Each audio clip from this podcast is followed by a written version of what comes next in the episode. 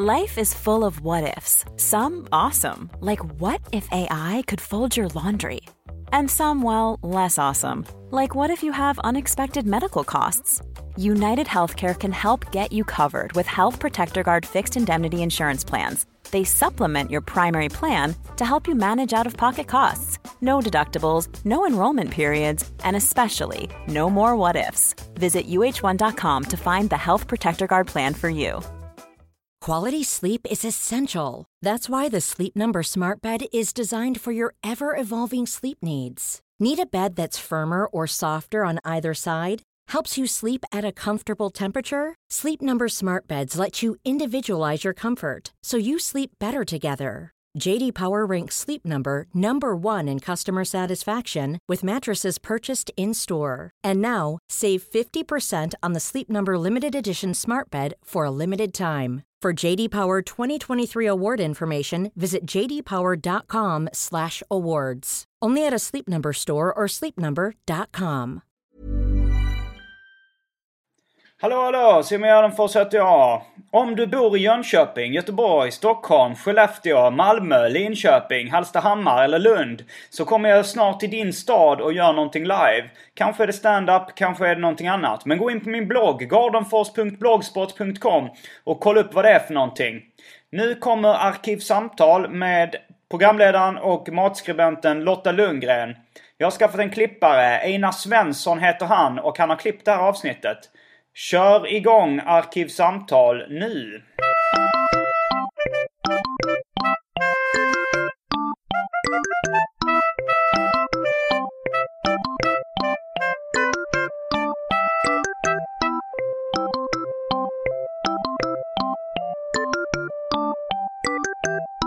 Men är du redo att bli riktigt imponerad? Jag föddes redo för att bli riktigt imponerad. Vad underbart. Du åt två kokta ägg med salt och till det drack jag en kopp kaffe med mjölk. Vänta nu. Två kokta ägg. Med salt. Och vad var det med? Nej, det var bara det. Och kaffe med mjölk. Ja, men det är ju rätt imponerande ändå. Eh, på det sättet att du håller det enkelt. Jag lyckades uh, skohorna in en imponerad inställning där också. Ja, ja det var, det var med skohorn du. Mm. Uh, Fick en liten snus också för att pynta till den där frukosten.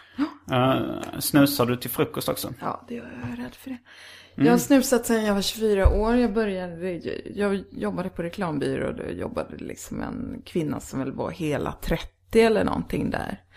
Hon var eh, väldigt vacker och gjorde starkt intryck på mig och ibland fick jag komma in på hennes eh, rum. Och då brukade jag få en, eh, en snus. Så sen har jag snusat liksom från och till hela tiden i alla dessa år och så försökte jag sluta nyligen och så gick inte det. Är du en beroende person i allmänhet? Nej, jag är nog inte det. Men Nej. det här är liksom specialgrej med eh, snuset. Det är väl där, det är lite oralt också. Mm. Eh, men jag, annars så gör, person, person, bra fråga. Alltså jag tenderar att göra gre- grejer lite för mycket. Mm. Det jag gör, gör jag liksom lite för mycket. Du är passionerad helt enkelt. Åh gud, det är så gulligt när du säger det. Gulliga. Nej men uh, jag, jag tror inte jag är en beroende person. Alltså, så här, för jag har aldrig lyckats bli beroende av uh, snus eller cigg eller alkohol eller någon narkotika eller något Nej. sånt där. Men också arbetsnarkoman är nog det jag missbrukar mest faktiskt. Ja, men där är vi lika. Men, Det kan jag också drunkna i. har du alltid varit sån?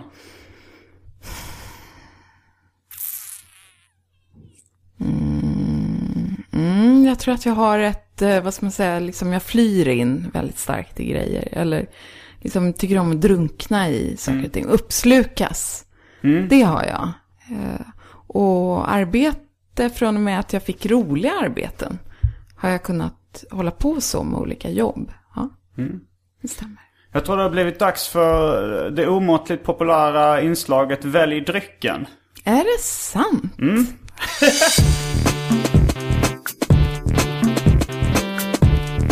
Jag tror vi börjar med det fasta inslaget Välj drycken! ja, vi kanske ska börja med att säga att eh, när, eh, vi diskuterade här över Twitter att du skulle vara med i den här podden. Då eh, kom du med en väldigt kort kravlista. Att jag skulle ha mjölk hemma. Det är min ride. Din rider. Ja. Eh, är, det, är det någonting du brukar ha? Eller misstänkte du bara att jag specifikt inte skulle ha mjölk hemma? ja, jag misstänkte att du var en kille som inte hade mjölk hemma. Det, det, var, det stämde ganska bra. Jag hade mjölk hemma men den hade gått ut för länge sedan. Gud, Det var någon som hade konstigt. glömt, glömt den i min kyl tror jag. Eh, men vad, varför gav vi det intrycket? Inte prata om det. Det blir så personligt. Väl personligt? Nej men det, det är väl lite den här din del. poddens styrka på Nej, något sätt. men jag eh. tror, nej men du har någon sån liksom... eh, um, du, du har någon sån aura faktiskt. nej men vet du vad? Du känns inte som... Jag, jag känner inte dig så bra, men du känns inte till exempel som att du hade fyra barn här någonstans i lägenheten som jag just nu inte ser för att de är på dagis. Så jag tänkte så här, det känns mer som att du är lite, kanske inte så knuten till platser. Men, Utan att du är någon rörlig människa som rör dig ganska lätt. Va? Eh, och ni har tydligen inte så mycket mjölk hemma. Och jag tycker det är viktigt om man ska kunna bjuda på kaffe. Jag tror inte du har stora middagar heller. Nej, Eh, inte- nej, och laga massa mat. Eh, Jag tror aldrig du har gjort din egen konserv. det är lite den här uh, visa mig ditt kylskåp och jag ska säga vem du är. Fast tvärtom. Att du bara ger ett, alltså att du, vad har jag, visa mig ditt utseende och jag ska säga vad du har i ditt kylskåp. Lite den. Jag vet inte om det var, var det ett tv-program som hette Visa mig ditt kylskåp och jag ska säga Här vem har, du är. du, här har du ditt kylskåp Här fast har du ditt ja. kylskåp. Ja. Men jag tänker på dig, du kanske är lite som ett rådjur också. Mm. Eh, nej men, och det är en komplimang. Att du liksom klarar det med jävligt lite. Du kan nog sova i en buske. Jag tror inte du har stora krav på komfort, till exempel. Nej, det har nog blivit lite, jag har nog blivit lite bekvämare med åren. Ja, men jag har sovit i många buskar i mina dagar. Eh, det har jag gjort. Men nej, jag ska bara säga att vi känner inte varandra. Du sa att vi inte känner varandra så bra. Men är inte det här första gången vi träffas? Jo, det är det faktiskt. Ja. Men eh, vi har ju sett varandra på internet Mm. åtminstone. Och jag har sett det på tv också. Jag har sett det på tv också. Har du det? Söta-tv? Ja, Internet-tv, jag kollar Ja, lite. webb-tv. Mm. Ja men då är vi på samma nivå ungefär. Men jag läser i alla fall upp, även om du kanske har bestämt dig på förhand vad du vill dricka, så läser jag upp listan över vad som finns i mitt kylskåp med omnejd eh, för dryck. Eh, nytt för idag, eh, mjölk, mm, Pepsi Max, eh, folköl, eh, styrka 3,5 av märket Budweiser. Avslagen Vira Blåtira. Jo. Avslagen Coco Bahia. uh, Baileys Dry Martini. Dock inte färdigblandad utan har alla ingredienser som krävs. Inklusive oliv. Eh, kaffe och vatten. Som jag brukar lägga till för tråkmånsar och nejsägare i kaffe och vatten. Men det kanske blir som någon liksom förolämpning. Eh, om Jag- du nu vill ha kaffe. Vill ha det. Nej, men jag, jag hade ingen aning om att det fanns så mycket att välja på. Nej. Ja, får man be om en folköl? Absolut. Jag tror jag tar en eh, Dry Martini. Gott val. Då eh, är vi strax tillbaks med dryckerna kända från det omåttligt populära inslaget Välj drycken.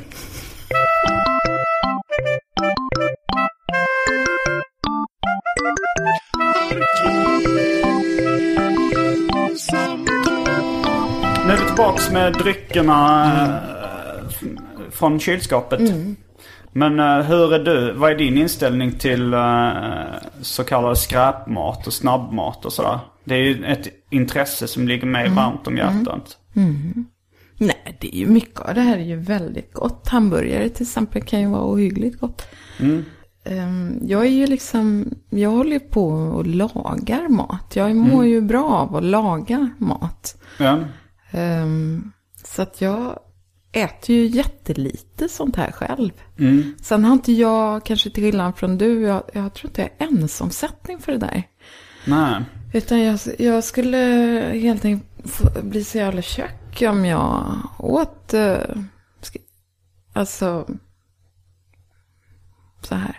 Mitt trix är att äta lite. Som en så att jag, orm. kollar, ja, men jag håller koll på eh, energimängden. Mm. Så jag kan äta liksom hamburgare och pizza och, och sånt där. Men eh, jag googlar hur mycket energi det innehåller. Hur mycket energi innehåller? Eh, ja, en, en hamburgare som... en normal hamburgare kanske 500 kilokalorier. Och en pizza är ganska mycket. Det är typ om du äter åtta bitar sushi så, är, så måste du nog äta typ fyra sådana för att komma upp i energimängden av en pizza. Jaha, oj. Så, eh, ja men jag ger, jag har ju lite, lite den här auran och estetiken av en slacker som jag har. Den är lite falsk. Ja. Det är lite ett spel för gallerierna. För att jag tycker det är, är snyggt. Eh, men jag är ganska så här eh, organiserad och har rätt bra koll på grejer. ja, och kan är inte speciellt lat överhuvudtaget. Men du lagar inte mat och det behöver man inte göra. Nej, eh, inte speciellt mycket. Det, Mm. det har väl hänt. Men li, lite så här, alltså de grejer jag håller på med. Jag är, också, jag är väldigt intresserad av mat. Men Ja. kanske på samma sätt som andra är intresserade av film till exempel. Som inte håller på med film. Eh, så man gillar väldigt mycket att konsumera det. ja. Men man har inte så bra koll på hur man gör det. Man Nej, Mm. öv, jag överlåter det till experterna. Annars är ju mat eh, som kulturform ganska rolig på det viset. Att du är både konsument och producent Jo. av mat. Men det finns ju... Men alla måste ju inte laga mat va? Nej. Alltså ofta lagar man ju mat till fyra personer. Det betyder ju att tre slipper. Ja, i och för sig. Men eh, jag lagade väl mat när jag, var, när jag var, bodde med mina föräldrar. Då hade vi så här en dag i veckan skulle barnen laga mat. Oj. Det, gör dina barn det? Nej, Hur gamla är de? sex och sju. Livsfarliga. Har du eh, någon religiös uppvux, uppväxt? Nej, noll. Ateism? Alltså så här rakt av att ingen av dina föräldrar trodde på Gud? Ja, jag tycker mina föräldrar har varit liksom nästan lite emot kyrkligt och så. Jag frågade en gång varför ehm, de aldrig har gift sig och då fick jag ett jättebra svar. Mamma sa, jag frågade dem i enrum, en i taget. Mamma sa, nej Lotta, jag har aldrig, och det här var bara några år sedan, jag har aldrig känt att jag kan lova Anders att han är den enda och sista i mitt liv.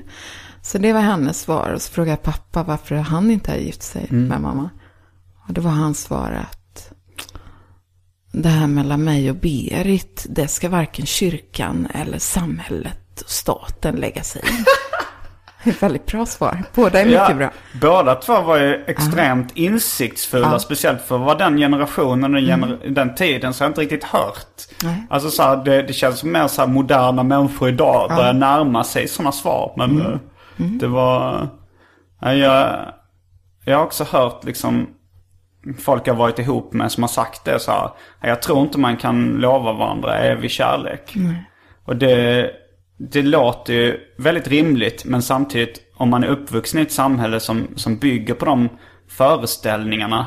Alltså vi har ju nästan bytt ut Gud och religion mot tvåsamhetstron liksom. Och då, då blir man ändå lite chockad när någon, det är lite rebelliskt på något sätt att, eh, att ifrågasätta det, att tvivla. Jag håller med, men jag upplever dem som moderna människor, mina föräldrar. Väldigt okonservativa och rörliga liksom. Jag kommer ihåg, det var en kompis som uh, bodde ihop med en, eh, en judisk tjej väldigt länge. Och han sa att det han saknade mest från det här förhållandet var maten. Oh, Eh, alltså det judiska köket. Eh, det är säkert olika liksom det europeiska judiska köket och det som finns i Israel och sådär. Men eh, jag hade inte tänkt så mycket på det innan han sa det. Men sen, eh, då tänkte jag på att det var ju vissa rätt mycket, alltså så här, i köket hos min mormor och morfar så var det ju så här eh, gefilte fish och vissa soppor och, och sånt där. Som, men, men det kändes så, som en så självklar del av min uppväxt. Vad grattis dig. Men, det är väldigt eh, god den där karpen. Och mm. rödbetorna med pepparrotssås. Ja, rein. Ja, fantastiskt. Ja, det var gott. Jag var, jag, jag, liksom, nu har min mormor slutat laga mat för hon är Ja. för gammal. Ja. Eh, och min morfar har aldrig lagat mat eh, och han är död dessutom. Men, men jag var i, eh, jag kommer inte ihåg om det var vilken stad det var i USA. Men då hade de en sån diner med judisk mat och då, då käkade jag sånt som min mormor hade lagat när jag var liten. Det var jävligt gott. Och sen testade jag lite rätter också som var, jag hade hört talas om i Seinfeld. eh, kasha bland annat. Någon slags eh, matgröt. Som eh, Georges pappa käkar i sängen. eh. Det låter ju mysigt, hemtrevligt.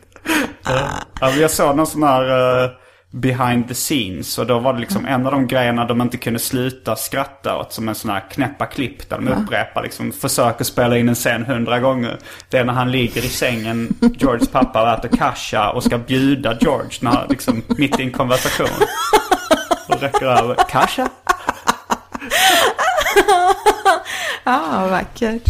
Ja. Men, du, men vad har du äh, käkat äh, den typen av mat? Eh, ja, men jag håller med alltid fram när det liksom bjuds något li- lite annorlunda. Så det hade jag sniffat reda på att man kunde få komma på en, på en riktig judisk jättelång middag här i Stockholm. Eh, hemma hos en vän som bjöd hem judiska vänner som då hade lagat alla paradrätterna. Det var länge sedan. Men jag förstår liksom man kan i efterhand se att man hamnar där man hamnar av en anledning. Jag tänker på mitt så här historieätta-program. Och så.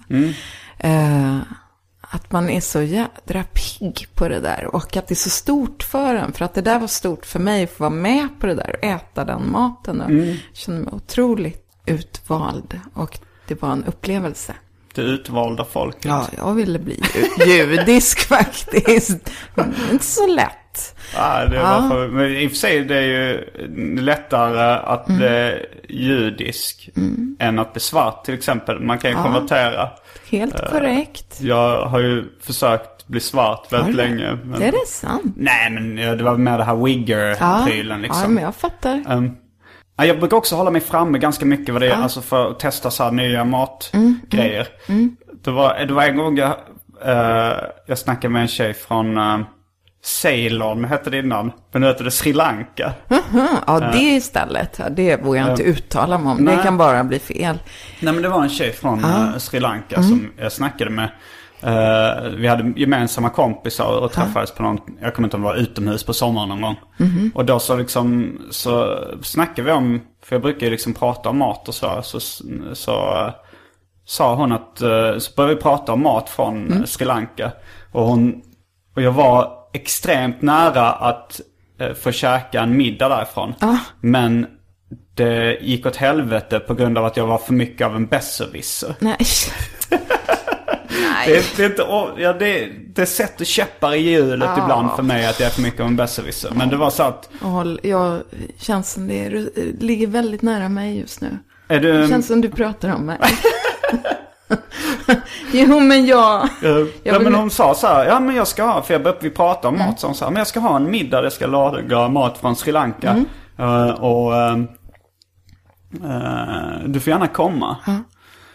Och sen så började vi prata lite mer. Jag, jag hade en kompis på dagis som var från Sri Lanka, eller Ceylon som det hette innan. Och sen sa jag att, eh, ja vi, det hette ju även serendip en gång i tiden. och så sa hon, nej.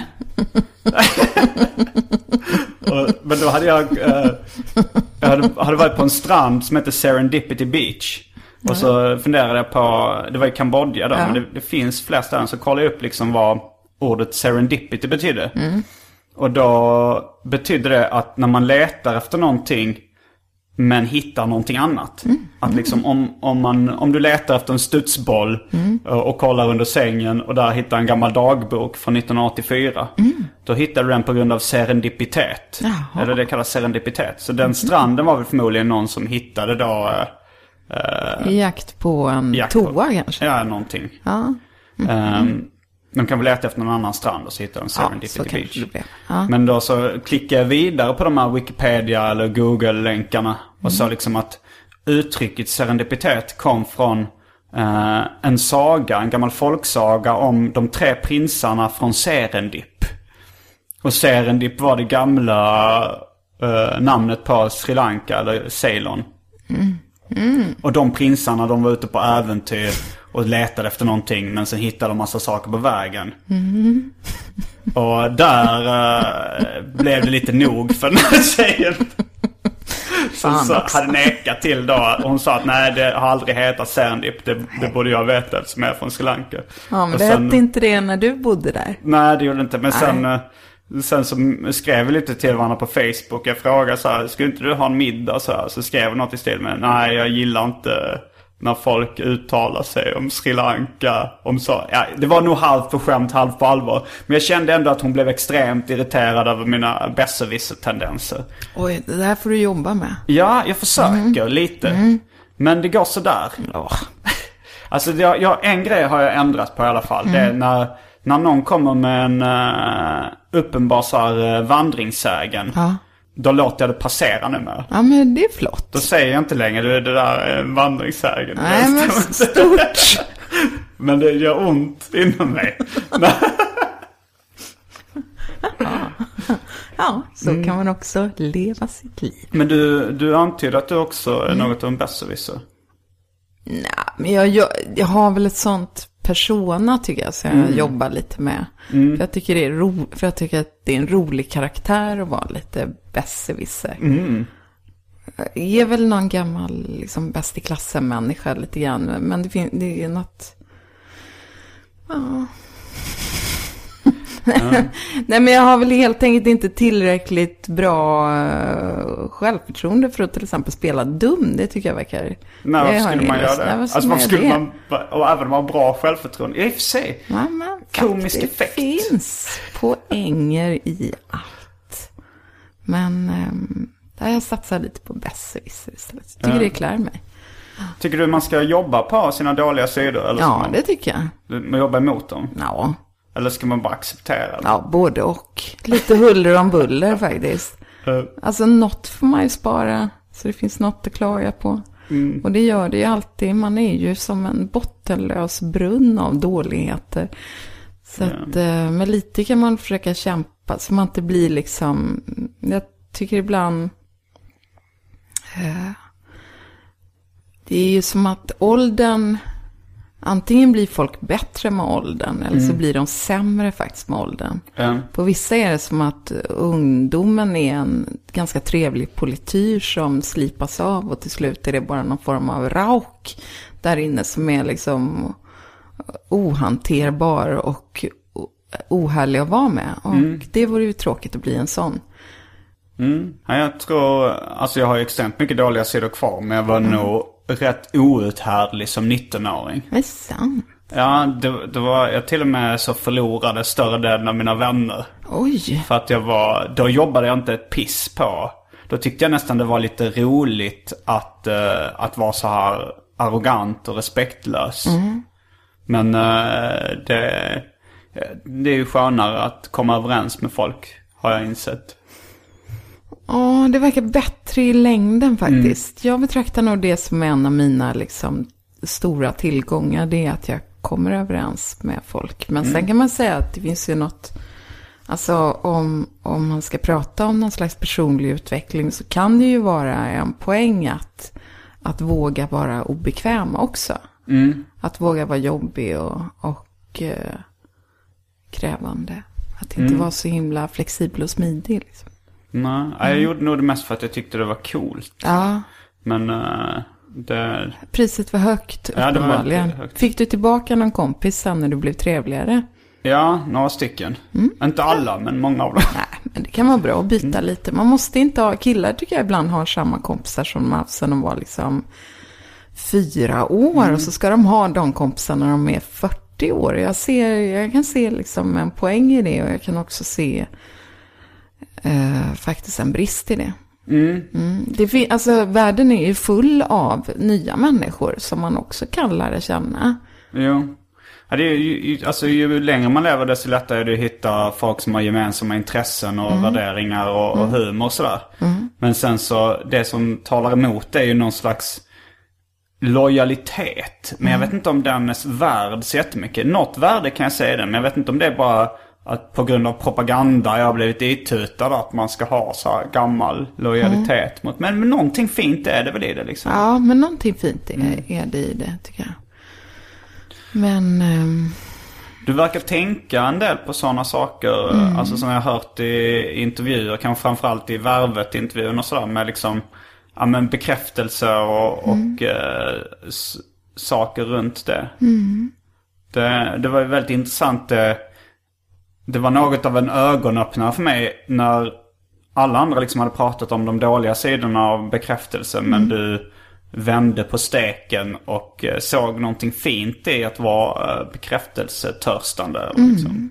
Ja, jag tycker det är naket och eh, ganska bra faktiskt. Och jag tycker just att det är märkligt att eftersträva att man skulle vara en människa som inte blir bekräftad av andra. För i bekräftelsen finns väl ändå en kärna av att bli förstådd och sedd. Och jag, jag kan inte tycka annat än att man är värd det. Nej, det... Vara en av oss. Det håller jag med om. Men, men känner du dig lyckligare eller så här, bättre till mods sen du fick mer bekräftelse? Alltså så här i någon form av rikskändisskap? Jag vill inte säga att det är någon rikskändisskap. Jag är heller ganska osäker på om det existerar. Men, men jag är ju betydligt nöjdare med mitt liksom, yrkesliv sen jag började arbeta med någonting som uppenbarligen uppskattas. Ja. Och jag blir jätteglad av bekräftelsen. Känner det. du, känner du att det är som liksom att man behöver mer och mer? Eller? Ah, nej, inte mer och mer, men det är klart att det kan väl vara... Så är det ju, alltså så är det ju att jobba med tv eller liksom a- alla former av offentlighet är ju liksom, den har ju en kort smak. Den pågår ju bara en kort stund. Du har ju inte ett tv-program eh, i. Och jag är ju inte Arne Weissel eller någon som är ständigt aktuell. Utan jag blir ju aktuell med någonting som jag har gjort. Jag har skrivit en bok. Då är det lite snurr om den en stund. Och sen tystnar det ju faktiskt. För sen har ju de som var intresserade av att prata om den. De har ju pratat klart och pratar nu om en helt annan bok. Och en tredje bok. Och jag menar det kommer ju böcker hela tiden. Samma med tv-program. Man har sitt lilla tv-program. Och sen kommer det ju nya tv-program hela tiden. Så det är en kort stund, en liten peak sådär. Men det, ja men det blir ju pika men sen fylls det ju på någon slags grund... eh, Ja, Alltså grundmedvetandet hos folk när man, när man hållit på ett tag så kan folk känna igen en och så. Men, eh, men jag känner nog lite så att eh, första gången jag fick ett brev från någon som hade läst någon av mina serier så kände jag, blev, var jag glad i en hel vecka.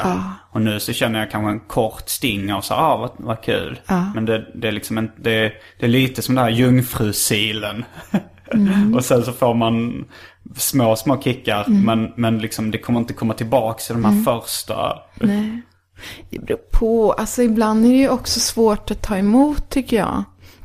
Ibland, ibland vet jag inte liksom vad jag ska svara. Därför att om du, om du, den där situationen när någon kommer fram till en och säger hej, jag måste bara säga. Och ibland är ju, alltså ofta, det, man blir ju jätteglad och tänker så här, gud, hur ofta har jag gått fram till någon och sagt, du, jag måste bara säga. Att liksom någon har tagit sig samman och gör det är ju sådär flott och stort och så är det till mig. Så man älskar det, men ibland kan man också känna att jag vet inte vad jag ska svara.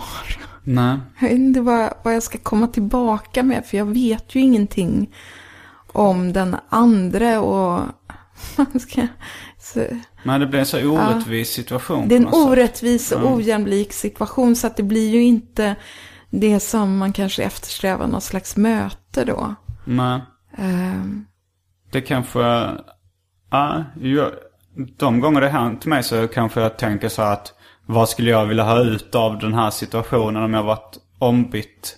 Ja, Så här, då tänker jag en liten pratstund. ja, Och så försöker jag prata lite så här, och de kanske har lite frågor och så här, och Mm. så kan man snacka lite. Så, Ibland blir man ju också lite generad så, bara, jo, så får man drypa av liksom. Med en glad min. Eh, Men jag håller med liksom. Men ibland blir ju det samtalet också konstigt. Jag vet inte, för att om det är någon som har läst dina serier och blivit intresserad av dig och kan om dig. Så är det som att normala samtalet sätts lite ur spel. Det där med, jag frågar någonting och du frågar någonting om mig och så plockar vi grejer ur varandras samtal så försöker vi tvinna ihop någon slags gemenskap. Va? På ett sätt är ju den där offentligheten som, som man får då om man är i tv lite grann. Är ju att man är ständigt i sändning sen, eller förväntas vara, i, även i fortsatt liv. Att man ska liksom bara sänd, sända sådär, fast egentligen så är inte samtal, går ju inte ut på att en sänder och en sitter och lyssnar, utan det är ju det som är möten. Det är ju att båda sänder stötvis. Och det blir någonting som man har tillsammans. Ja, Jag, hade någonting att säga där. Nej, men har du funderat på, alltså det är rätt intressant Ja. att fundera på vad är ett samtal egentligen? Jo, det har jag funderat på. Och det jag tänkte på medan du pratade var att eh, man har ju ofta också en annan roll. Alltså känner du att du har en, en persona i tv eller i offentligheten som skiljer sig från den du är privat?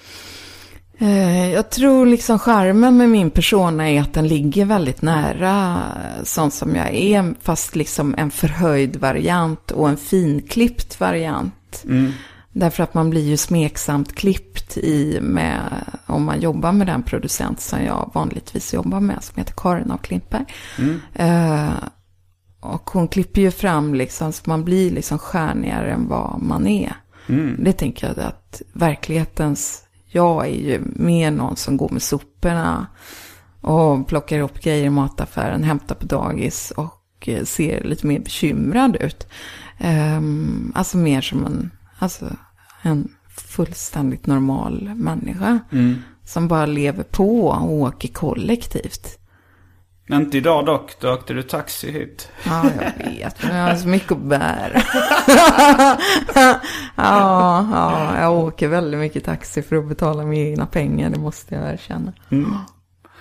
Men Du snackade innan om att du liksom eh, passade på rätt ofta att testa mat från olika ställen i världen och så. Eh, var, om du ska, har du några favoritdelar, liksom några favoritkök eller några favoritställen?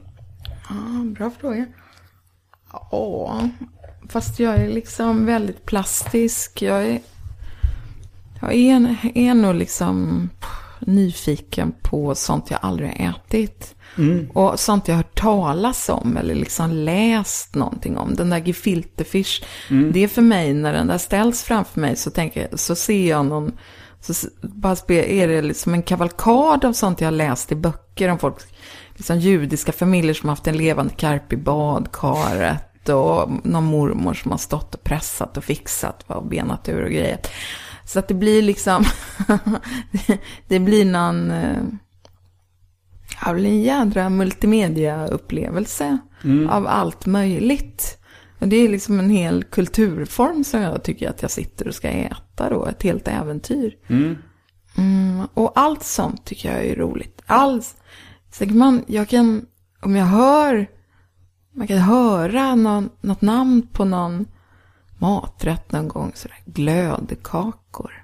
Lövkakor? Nej, glödkakor. Glödkakor? Ja, och man blir helt tokig. Jag känner direkt, måste äta glödkakor. Jag vet inte vad det är, men jag vill äta någonting som har ett så fint ord.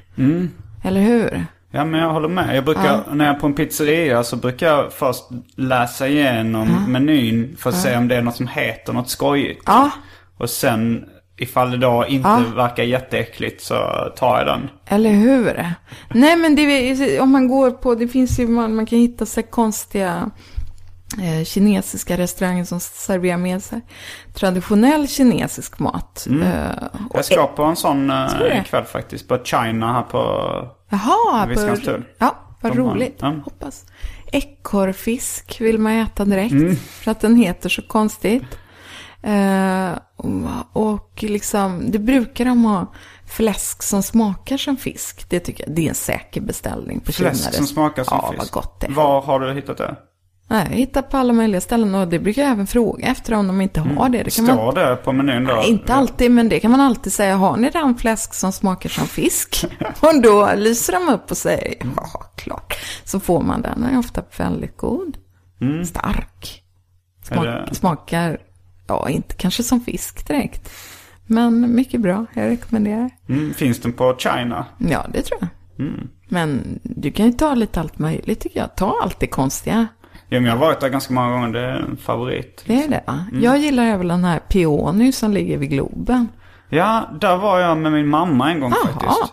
Men jag tror jag hade lite för höga förväntningar. För det, det var liksom hypen hade varit så stor. Ah. Alltså jag är så inne, jag är rätt inne på Sichuan Ah. eh, kinesisk mat. Gott. Och, eh, och sen har jag läst att det var så, så det var, det var liksom, jag tycker att China är bättre. Jaha, vad kul. Då ska jag gå dit.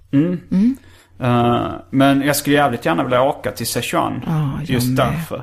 Men jag har en liten rädsla för att det skulle, att jag inte skulle uppskatta lika mycket som det kanske är så att liksom, de anpassade lite för, med svenska råvaror eller jag Mm. kan tänka mig att i USA så har de den bästa Sichuan-maten. Det är jag övertygad om. Mm. Tyvärr. Eller tack och lov. Eller som det är. Eh, En av de bästa grejerna jag ätit någonsin var eh, på en burmesisk restaurang i San Francisco som heter Burma Superstar. Eh, och det var så svingod curry och någon slags telövsallad som man käkade där. Så jag tänkte så att eh, jag försökte åka till Burma när jag var i närheten. Telövsallad. Ja, tea leaf salad hette det. Fy, det vill jag äta. Ja, du, får, du får åka till Burma Superstar. Det finns två, en i Oakland och en i San Francisco, vet jag i alla fall. Ja, jag ska åka dit. Men, men sen så när jag var, jag, men, men liksom de gånger jag har åkt till fattiga länder, alltså Indien eller så här. Så har det inte varit riktigt samma kvalitet som de här liksom, de, det är säkert de här stjärnkockarna från Burma som eh, lyckas få ett visum till USA och flytta dit och göra det. Ja, det, jag är lite rädd för den besvikelsen. Men verkar väldigt duktig att äta tycker jag. Så, Bra på att äta? Ja. Ja men det är ju ett stort intresse Ja. eh, för mig. Alltså jag läser serier om mat. Om du tittar bakom mig så finns det Oishimbo i massa olika volymer. Det är om eh, japansk mat. Det är så Mm, här, där uppe. Ja. mm, väldigt uh, nördiga och insatta Sushi serier om, sashimi. om mat. Nämen, vad Mm. roligt. Du kan få låna någon volym om du skulle vilja. Ja, ja, jag blir jätteintresserad. Finns det några maträtter som du så här verkligen längtar tillbaks till? Som du har ätit någonstans, eh, som du sa, det där längtar jag efter och skulle vilja äta igen? Ja, jag tycker man kan längta ibland efter sin barndoms eh, mat lite. Men det, och det är jättekonstigt. Jag skulle kunna be min mamma gjorde någon Mm. god eh, liksom risrätt med rödspätta och curry. Det är roligt att du nämnde ris först. Ja, jag vet. Det är ju 70-talsmat så det är ju liksom mer ris än något annat. Är det så? Ja, väldigt gräddigt också. Mm. Jo, så kan jag nog... Det tror jag ni tog upp i landet brunsås också. Det här med när fångar väljer sin sista måltid. Jag har inte sett den filmen som, är, som handlar om Mm. Strafffångars sista måltid. Men att de då går tillbaka till barndomen och, och, eh, och eftersom det är ganska mycket underklassen som hamnar Mm. i finkan så är det eh, Big Mac och company som var liksom i stort sett hela tiden Mm. folk som ville käka. Men mat är liksom inte mat. Mat är... Mat är allt vi förknippar med mat också. Det är en större upplevelse vi äter oftast. Jo, så är det ju med, med det mesta. Ja, så alltså, är så det musik är ju mycket mesta. Mm. minnen och, och sådär också. Men, men jag, jag skulle nog inte gå tillbaka till barndomen när Mm. jag skulle välja Alltså så här, jag har ändå hittat vissa så här Mm. japanska maträtter. Det finns någon så här udon-nudlar som man doppar i någon stark. Som jag verkligen kan så här längta extremt mycket efter. Men vore det inte kul om du kunde lära dig laga den? För det är ju, det är ju någonting som jag tycker är roligt med mig då. Det är att jag kan äta goda grejer på restaurang och sen fattar jag hur de har gjort det så att jag går hem och lagar det. Ja. ja jag tror... Det kanske jag skulle kunna, men det tror Ja. nästan det är för svårt. Alltså, det är så svårt. Alltså så här, jag, jag det kan vara en myt där hur lång tid det tar att lära sig att göra. Eh, eller ramen var det nog förresten, alltså så här, japanska nudlar. Hur, hur lång tid. Men det finns ganska mycket filmer som handlar om att de liksom bemästrar den konsten. Eh, alltså så här, ungefär som att bli bra på men, ja, nu tar jag teckna serier bara för att det ligger så nära mig. Men att man måste liksom slita i 20 år. Var, eh, åtta timmar om dagen för att liksom verkligen bemästra någonting. Så är det väl lite med mat också. Att För att bli riktigt bra, om, om du ska bli riktigt bra på någonting måste du lägga ner så väldigt mycket tid. Jag kan nog inte liksom, jag skulle nog göra en väldigt amatörversion av det. Mm, jag är inte säker på att du skulle göra det, förstår du. Utan jag tror att det finns mycket liksom ritualer kring hur man ska göra rätt inom matlagning. Och det finns ett speciellt sätt. Men det är ju för att man vill upprepa då en tradition, att det är så här vi alltid har gjort. Och det gör man ju i de matkulturer där just mat är ett uttryck för tradition. Då ska vi upprepa på det här sam- samma gamla sättet. Men ofta är det ju så att man kan förenkla alla de där processerna otroligt, otroligt mycket. Och eh, alltså he- hela liksom, mat och restaurangväsendet i alla kulturer har ju mycket också på att vinna på att eh, ha den här mytbildningen kring maten. Att man gör inte hur som helst och så vidare. Det har jag hört många kockar som, som står och tjafsar om att en bechamel kan bara göras på exakt det här sättet. Och det är ju ljug i väldigt hög utsträckning. Det går att göra mycket enklare och mycket snabbare och ta mycket mer genvägar. Och pratar inte om halvfabrikat eller något fusk eller så. Utan det går helt enkelt att skära en massa led eller göra krångliga grejer på ett lätt sätt. Eh, Men det är klart att har man då gått på restaurangskola och fått lära sig någonting, alltså ett sätt att laga mat som i sin tur har liksom, som någon annan som har lärt sig av någon som var ännu äldre och som har fått lära sig av någon annan. Och det ska vara på det här viset. Då håller man ju liv i den mytbildningen och den är säkert gynnsam men eh, mest av det är rena bluffen va? men har, du, har du sett den här Jiro Dreams of Sushi? Nej. Det är en film om en sån här sushikock som övar extremt mycket. Och liksom. Men, men det, jag, jag tror ju ganska mycket på det. Alltså alla hantverk i stort sett krävs ju svin mycket övning. Absolut. Det finns ju ingen så här författare eller någonting som det första den personen skriver är bra eller, eh, eller om Nej. ska Nej. Snida någonting. Nej, men det blir inte bra med en gång. Nej, det blir det inte. Med vissa grejer tror jag att man verkligen kan liksom, att det krävs de här, det är ju ganska modernt att prata om Mm. de här 10 000 timmarna. Jag kommer inte ihåg vad han hette som, Malcolm Gladwell va? mm, det låter bekant. Ja, Jag är inte Men- säker, men han brukar alltid ha sådana där eh, grejer. Så det kan vara han, det kan Mm. vara någon annan. Så då kanske jag måste lägga 10 000 timmar på att få till de där uh, dipping-ramen. Ja, eller inte. Nej, det inte. Nej, det finns nämligen en viktig grej tycker jag att påpeka när det gäller mat. Och det är att mat kan liksom inte bli hur god som helst. Det är väldigt svårt att åstadkomma mat som, så att det slår liksom stjärnor i, innanför pannbenet och känns som en enda stor orgasm. För det är inte så med mat. Utan Har du ma- aldrig upplevt det? Nej, jag har ätit mat som har varit så god så att jag börjar gråta. Men det, det är liksom... Vad var det för rätter? Det, Ja, det är ju den där mackan man får precis när man har fött barn. Den var ju liksom så god så att jag började storgråta. Men sen kan man ju fråga sig om det verkligen var mackan. Det var sån här... var det en sjukhus? Det var en riktig sjukhusmacka med mildost. Kan den ha varit riktigt så god som jag upplevde den då? Ja. Eller kan det ha varit något annat känslomässigt material som var och jobbade i mig under, den, under det tillfället? Alltså mat kan bli alldeles fantastiskt god men, men måltiden som sådan är ju liksom en väldigt mångfacetterad eh, upplevelse. Det räcker med att man sitter lite för nära toa på en restaurang. För att maten inte ska vara lika god till exempel. Jo, men det låter ju som ett ganska, Ja, ganska tydligt ja. Exempel där någon är det. Nu, jag kom, jag kom på en spontan topp tre-lista på de godaste sakerna jag ätit i hela mitt liv. Berätta. Ja, och det, det handlar ju väldigt mycket om eh, tillfälle och sådär. Eh, Ett tillfälle det var ju, det var när jag vaknade mitt i natten en gång. Då hade jag ganska så oregelbundna vanor. Och vaknade, jag tror det var fem. Eh, och gick upp och gjorde någonting och sen blev så sjukt hungrig. Och hade ingen mat hemma. Och sen eh, tänkte vilka ställen är öppna. Då, det, då kom jag på att så här, T-centralen så var så här Burger King eh, öppet. Och då åkte jag dit och åt en hamburgare på Burger King. Och det var så gott då för jag var så jävla hungrig. Och det var precis det jag tänkte mig så att jag liksom Jag sa ett högt mm Trots att det, det var liksom, det var ingen där som, förutom personalen som kunde höra det. Nu har jag nog, nu för tiden har jag nog lite mer komplicerat förhållande till att äta kött. Jag gör det fortfarande lite då och då men jag, jag skulle nog inte kunna göra det med riktigt samma passion som jag gjorde då.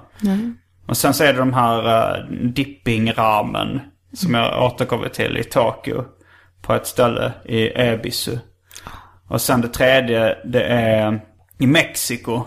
Det var någonting som hette chicharron de queso. Som var liksom, om man tänker sig ett hårt tacoskal. Fast det var gjort av ost liksom. Som, ungefär som att man steker ost så den blir så här hård och knaprig och frasig.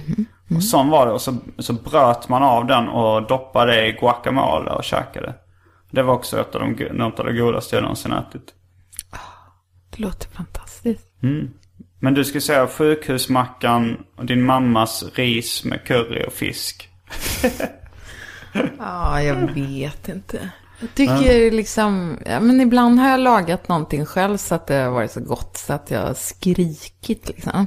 Har du Det något har exempel på det? Ja, ja, jag tycker det sker ganska regelbundet. Jag blir så jädra nöjd med När mig själv. senast du lagade någonting själv som Ja, du men jag skrek gjorde och- en, ja, men jag gjorde, ja, men nu senast var när jag liksom gjorde en ny maträtt. Som, och då hade jag gjort en, borde inte tjata så mycket om lasagne. För jag äter ganska lite lasagne i förhållande till hur mycket kött det blivit om lasagne.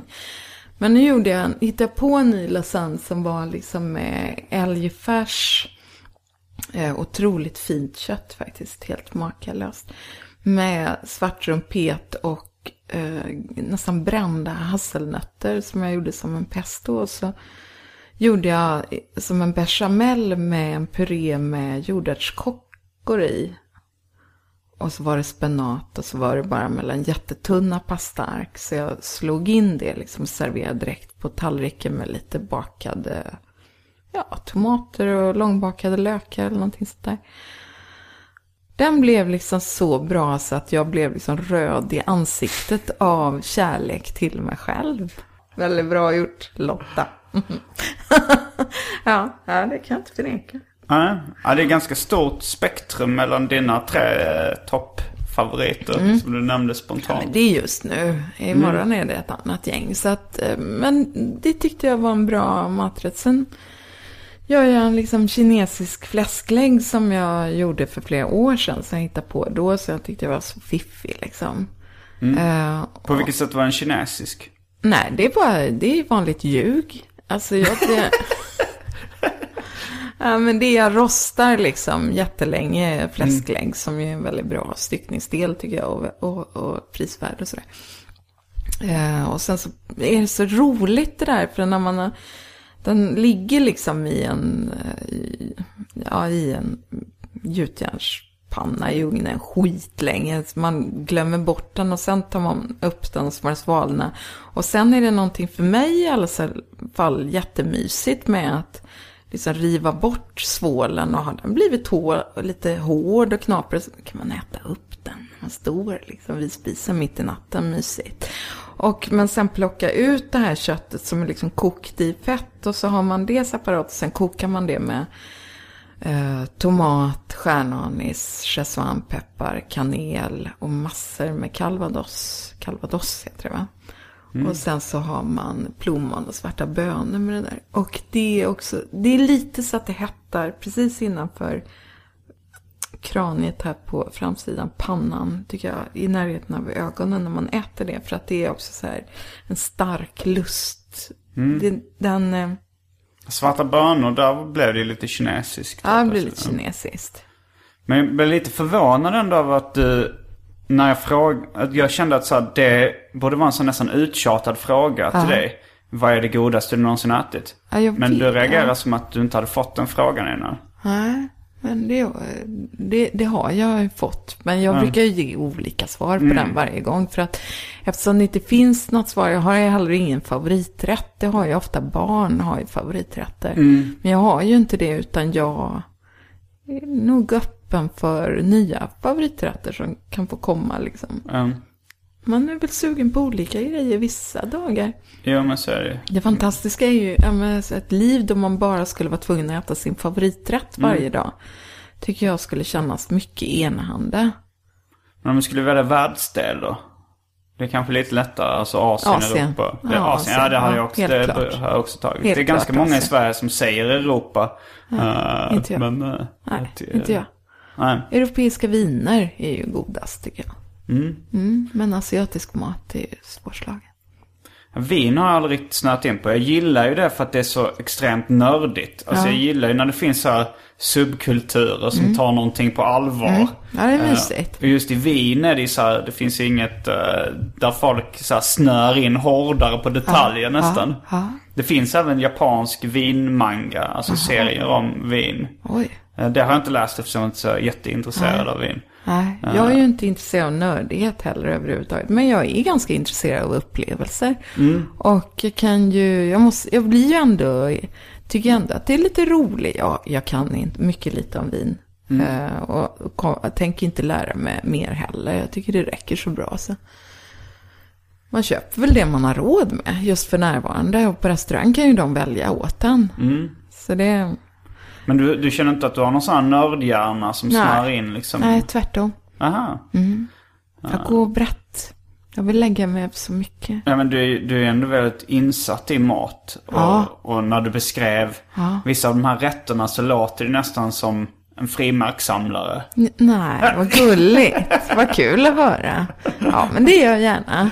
Så, ehm, nej men det är, jag har nog inte, det som jag tycker är roligt med mat, det är ju just,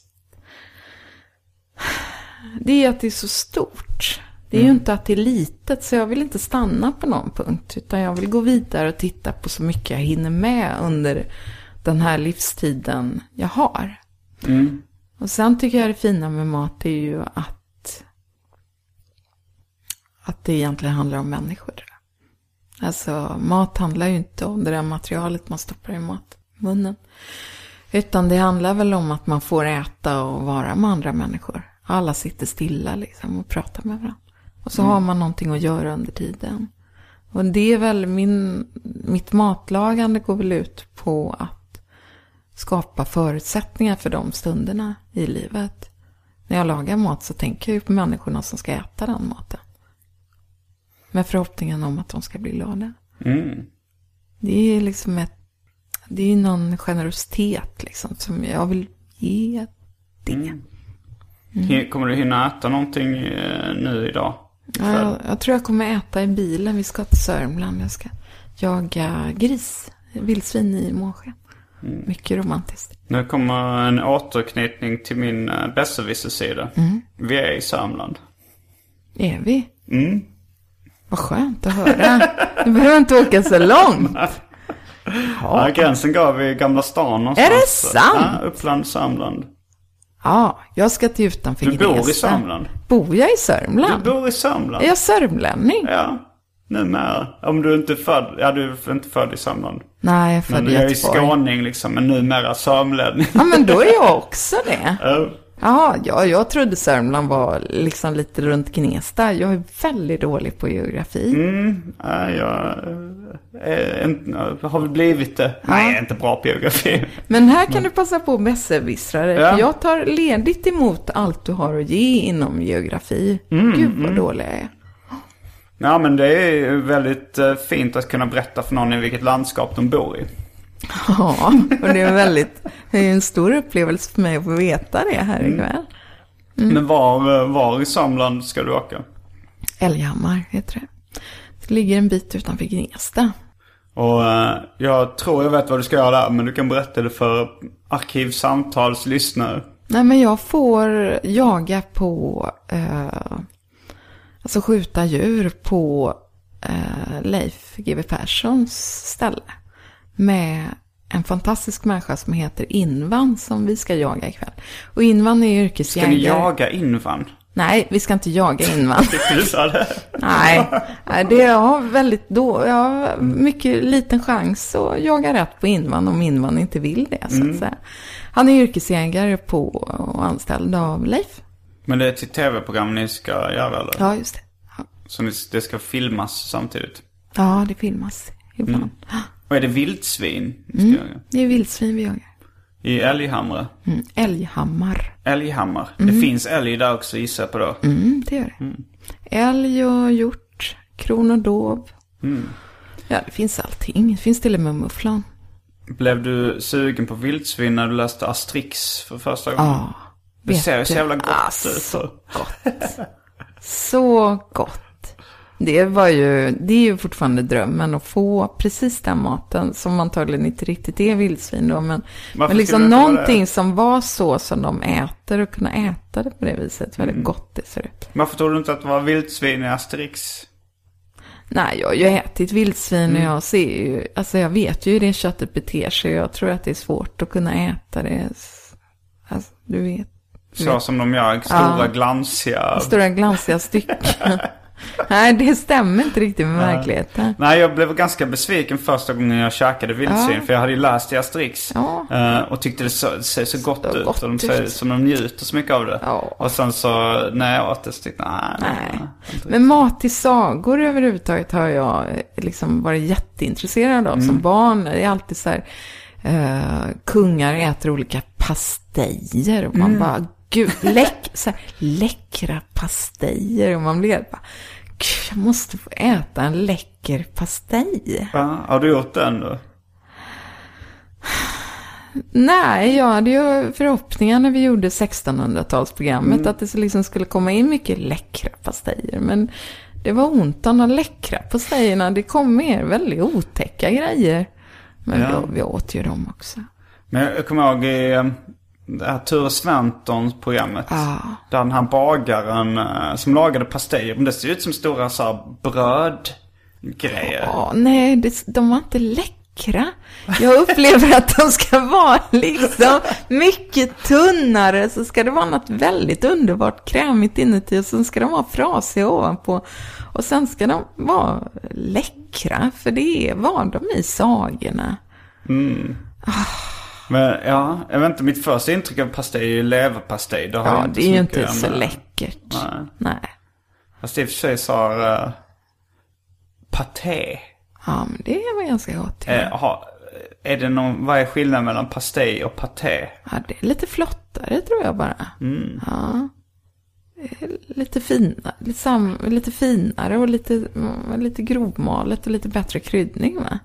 Jag tror ehm, det ska bli, det kommer jag göra när vi har avslutat det här samtalet. Så kommer jag försöka ta reda på skillnaden mellan pastej och paté. Ja. För jag känner att jag börjar sluddra nu lite efter jag gjorde en ganska stark eh, Ja. Dry martini. Ja, det, du, men du börjar ju å andra sidan tina upp väldigt. Det ligger på plus. Ja, Ja, jag- och då tyckte jag var lite stel till att börja med. Nej, jag tyckte du var skitmysig. Ja, vad härligt att höra. Det är samma. Jag tror nästan att, eh, var det eh, halv sex din... eh, Nej, sex. Ska vi köra en Välj drycken del två? Ja, Okej. Vill du höra alternativen igen eller kan du dem i huvudet? jag kan dem i huvudet. Jag tyckte den här var väldigt god. Ja. Jag tar gärna en likadan.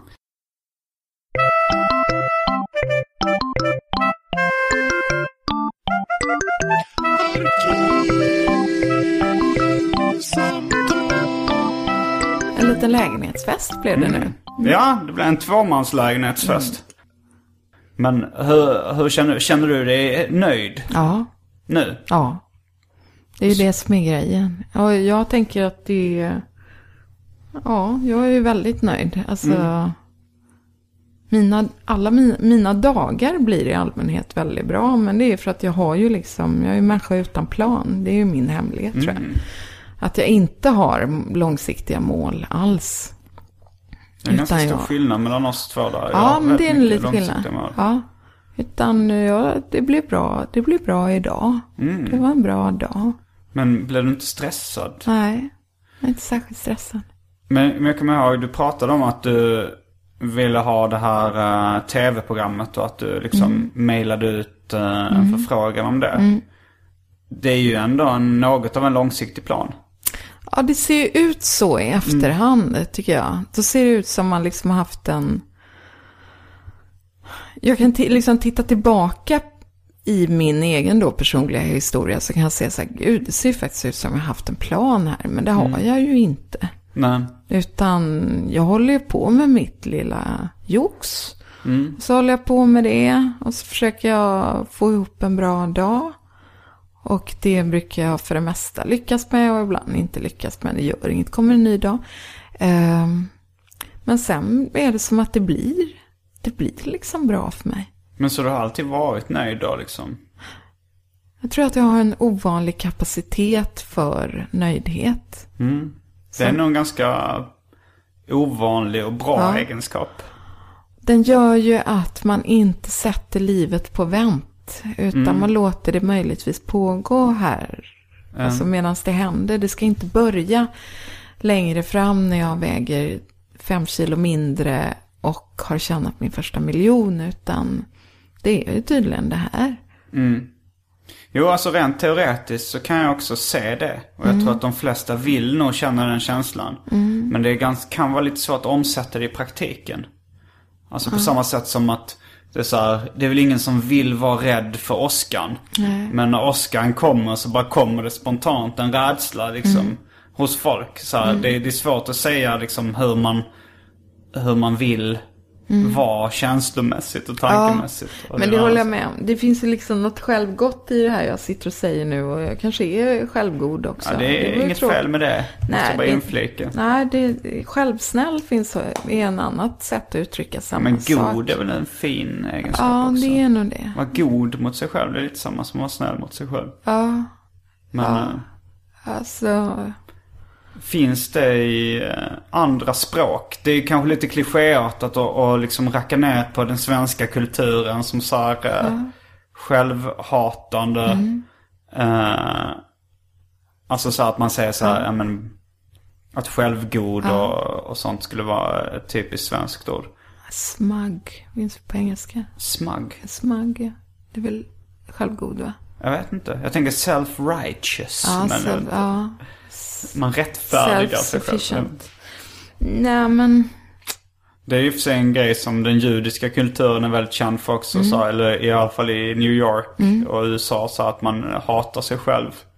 Just där har ju Sverige och, och kanske New York någonting gemensamt. Ja. Jag tror att eh, alltså så här, i Sverige är nog det enda landet där vi ser så här att nå- någonting är typiskt svenskt. Ja. Och syftar på det som någonting negativt.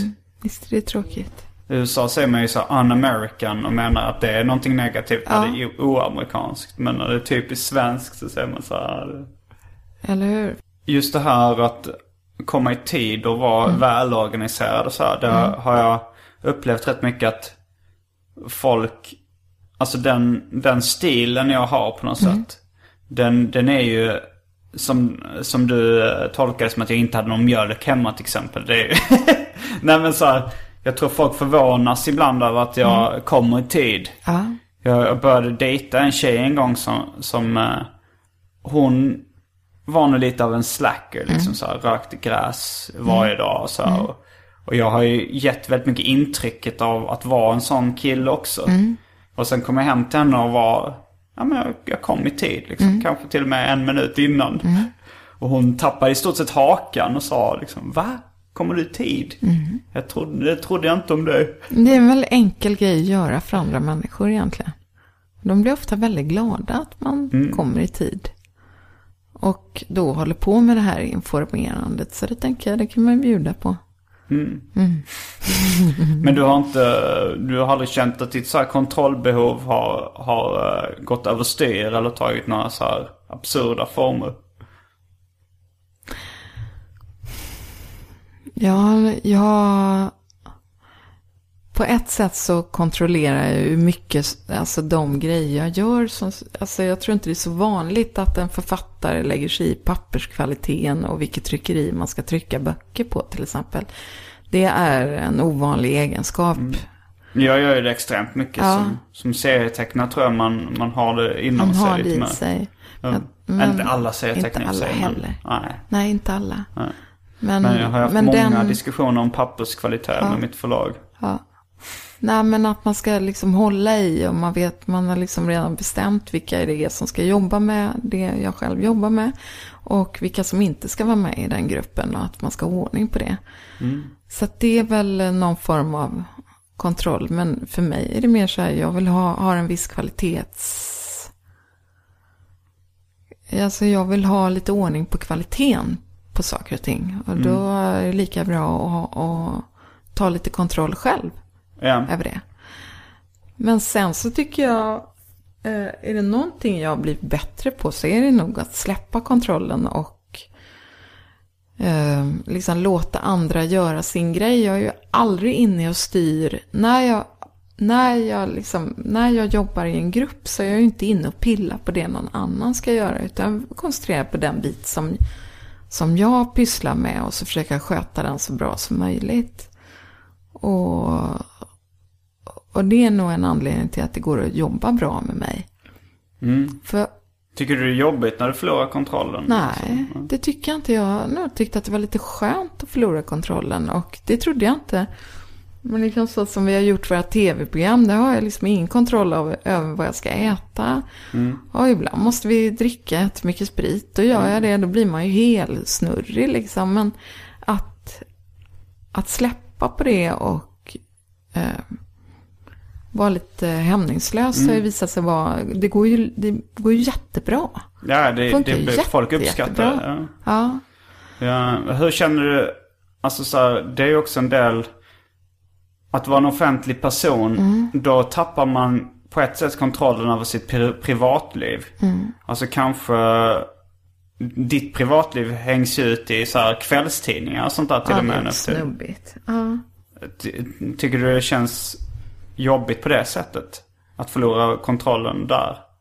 Ja, men så är det ju med media. Jag kan inte kontrollera det. Nej. Jag, jobb, det känns inte jobbigt att förlora kontrollen, utan det känns väl bara liksom lite märkligt att, att det går att göra någon slags fantasinyheter med mig som någon ingrediens i det.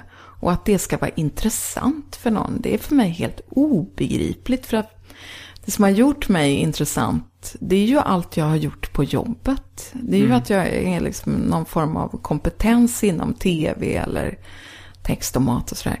Eh, och det är ju det som är intressant med mig. Men det är klart att från och med att jag börjat, nu har jag varit liksom en bakomspelare alltid när jag jobbade med reklam och sådär. Och skrev andra människors böcker. Och nu är jag ju framme och uttrycker det med mig själv. Jag är ju uttrycksmedlet nu. Mm. Och det har den baksidan. Och jag har väl varit lite naiv. För jag har tänkt säga jag är så, så liksom... Jag, den aspekten av mig är ju så ointressant. Det vet ju jag, för jag lever ju i mitt privatliv varje dag. Jag vet ju att det går ut mycket på att torka smulor och liksom prata om vardagliga grejer och sätta på radion och bädda sängar och försöka få ungar i säng och sånt där. Så jag, det, det blir liksom en bizarr situation att man... Ja, det Du förstår. förstår inte... Nej, jag förstår inte dragningskraften och jag tycker jag får, det är en absurd känsla. Liksom. Mm. Och, men det måste jag väl helt enkelt lära mig att varje gång jag berättar någonting som är det minsta privat så kan det då så finns det ett intresse för det och så kan det återges på massa olika sätt och tolkas och divideras med i fem jävla sekunder. För sen nästa dag är det ju någon, liksom har ju någon pruttat i ett annat hus och då får man ju skriva liksom om det istället. Så att de ska ju fylla sin tidning med någon skit och så fick man vara med där och det hade man inte tänkt. Men nu blev det så med spelar roll. Det är gamla nyheter tre sekunder senare. Men hela samhället har ju blivit lite mer så i och med alltså, sociala medier och sådär. Ja. Jag, jag känner mig så här nästan naiv första gången jag var så i ett förhållande på Facebook. Även om man inte har någon liksom, offentlighet så är det liksom att, fler, att eh, hundratals personer liksom blir direkt informerade om, om ens Ja, privatliv. det blir märkligt Ja. alltså. Och med de orden så avslutar vi veckans avsnitt av Arkivsamtal. Jag heter Simon Gärdenfors. Och jag heter Lotta Lundgren. Fullbordat samtal.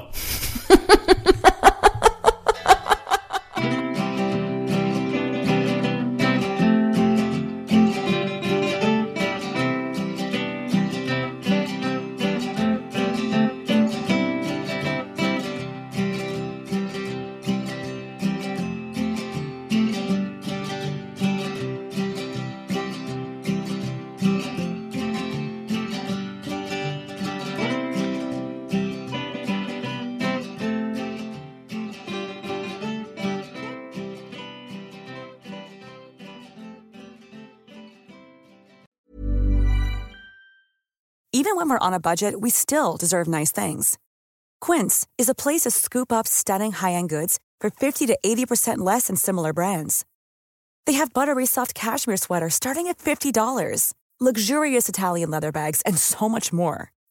Plus, Quince only works with factories that use safe, ethical, and responsible manufacturing. Get the high-end goods you'll love without the high price tag with Quince. Go to quince.com/style for free shipping and 365-day returns.